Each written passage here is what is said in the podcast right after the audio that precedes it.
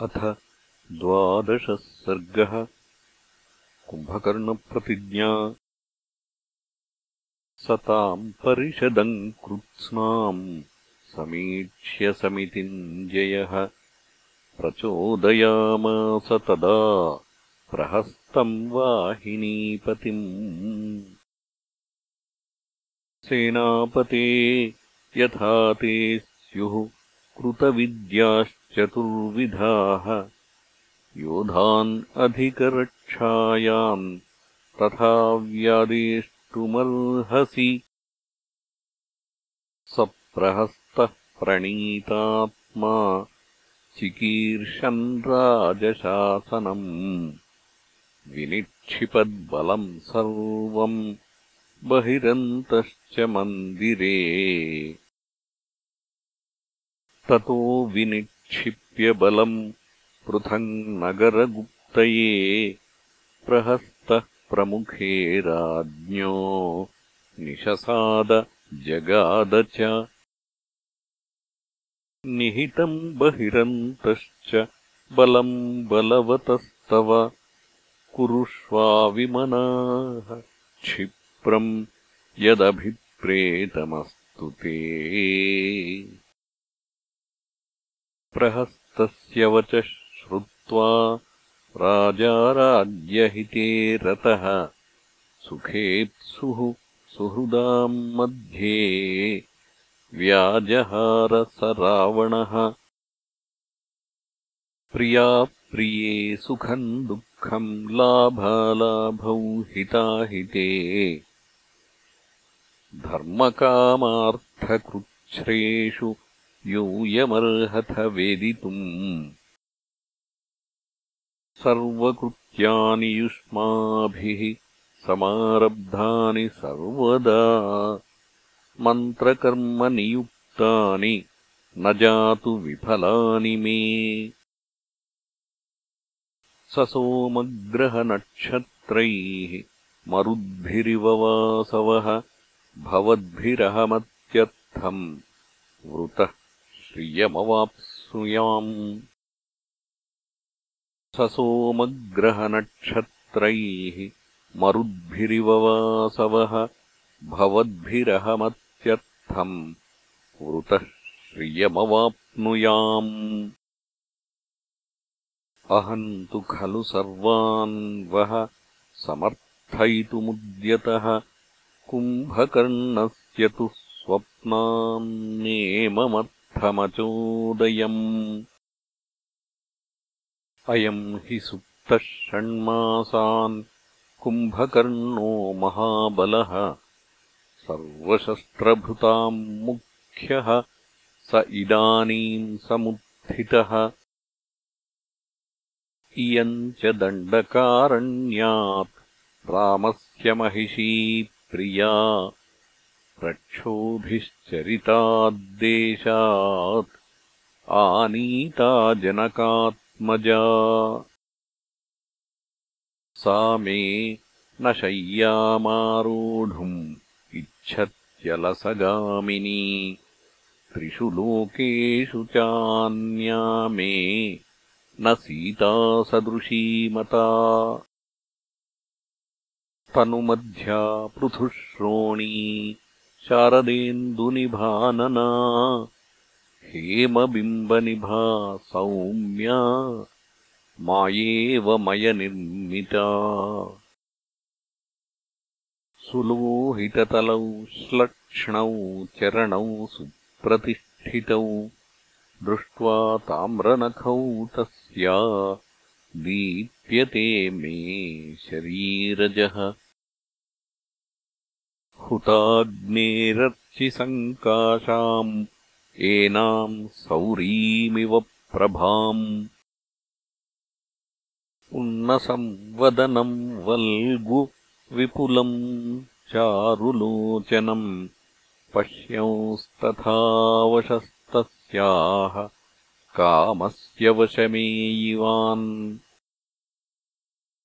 क्रोधहर्षसमानेन दुर्वर्णकरणेन च शोकसन्तापनित्येन कामेन कलुषीकृतः। सा तु संवत्सरम् कालम् मामयाचतभामिनी प्रतीक्षमाणा भर्तारम् रामम् आयतलोचना तन्मया चारुनेत्रायाः प्रतिज्ञातम् वचः शुभम् श्रान्तोऽहम् सततम् कामात् यातो हयैवाध्वनि। कथम् सागरमक्षोभ्यम् उत्तरन्ति वनौकसः बहुसत्त्वझषाकीर्णम् तौ वा दशरथात्मजौ अथवा कपिनैकेन कृतम् नः कदनम् महत्। दुर्ज्ञेयाः कार्यगतयो ब्रूत यस्य यथामतिः। मानुषान्मे भयम् नास्ति तथापि तु विमृश्यताम्। तदा देवासुरे युद्धे युष्माभिः सहितो जयम् ते मे भवन्तश्च तथा सुग्रीवप्रमुखान् हरीन्। परे पारे समुद्रस्य पुरस्कृत्य नृपात्मजौ सीतायाः पदवीम् प्राप्तौ सम्प्राप्तौ वरुणालयम्। अदेया च यथा सीता वध्यौ दशरथात्मजौ भवद्भिर्मन्त्र्यताम् मन्त्रः सुनीतम् चाभिधीयताम्। न हि शक्तिम् प्रपश्यामि जगत्यन्यस्य कस्यचित्। सागरम् वानरैस्तीर्त्वा निश्चयेन जयो मम। तस्य कामपरीतस्य निशम्य परिदेवितम् कुम्भकर्णः प्रचुक्रोध वचनम् चेदमब्रवीत्। यदा तु रामस्य सलक्ष्मणस्य प्रसह्यसीता खलु सा इहाहृता सकृत्समीक्ष्यैव सुनिश्चितम् तदा भजेत चित्तम् यमुनेव यामुनम् सर्वमेतन्महाराज कृतमप्रतिमम् तव विधीयेत सहास्माभिः। आदावेवास्य कर्मणः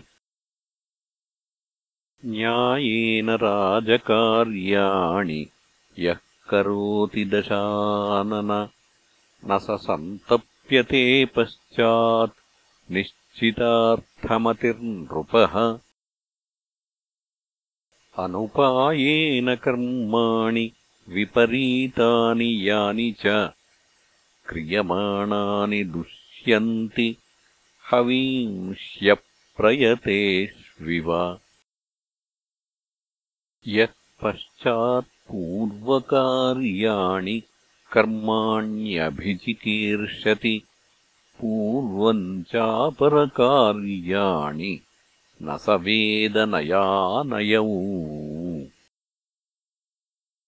चपलस्य तु कृत्येषु प्रसमीक्ष्याधिकम् बलम्। क्षिप्रमन्ये प्रपद्यन्ते क्रौञ्चस्य खमिव द्विजाः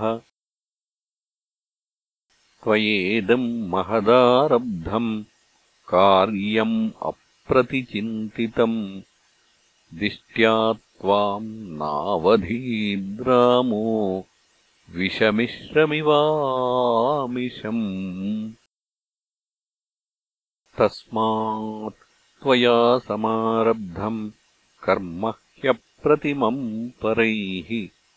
अहम् समीकरिष्यामि। हत्वा शत्रूंस्तवानघ।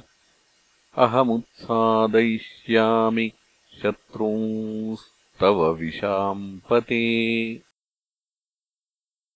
यदि शक्रविवस्वन्तौ यदि पावकमारुतौ तावहम् योधयिष्यामि कुबेरवरुणावपि। गिरिमात्रशरीरस्य महापरिघयोधिनः नर्दतस्तीक्ष्णदंष्ट्रस्य बिभियाद्वै पुरन्दरः पुनर्माम् सद्वितीयेन शरेण निहनिष्यति। ततोऽहम् तस्य पास्यामि। रुधिरम् काममाश्वस। वधेन वै दशरथेः सुखावहम्। जयन्तवाहर्तुमहम् यतिष्ये हत्वा च रामम् सह लक्ष्मणेन। खादामि सर्वान् हरियूथमुख्यान्। रमस्वकामम् पिब चाग्र्यवारुणीम् कुरुष्वकार्याणि हितानि विज्वरः। मया तु रामे गमिते यमक्षयम् चिराय सीतावशगा भविष्यति इत्यार्षे श्रीमद्रामायणे वाल्मीकीये आदिकाव्ये युद्धकाण्डे द्वादशः सर्गः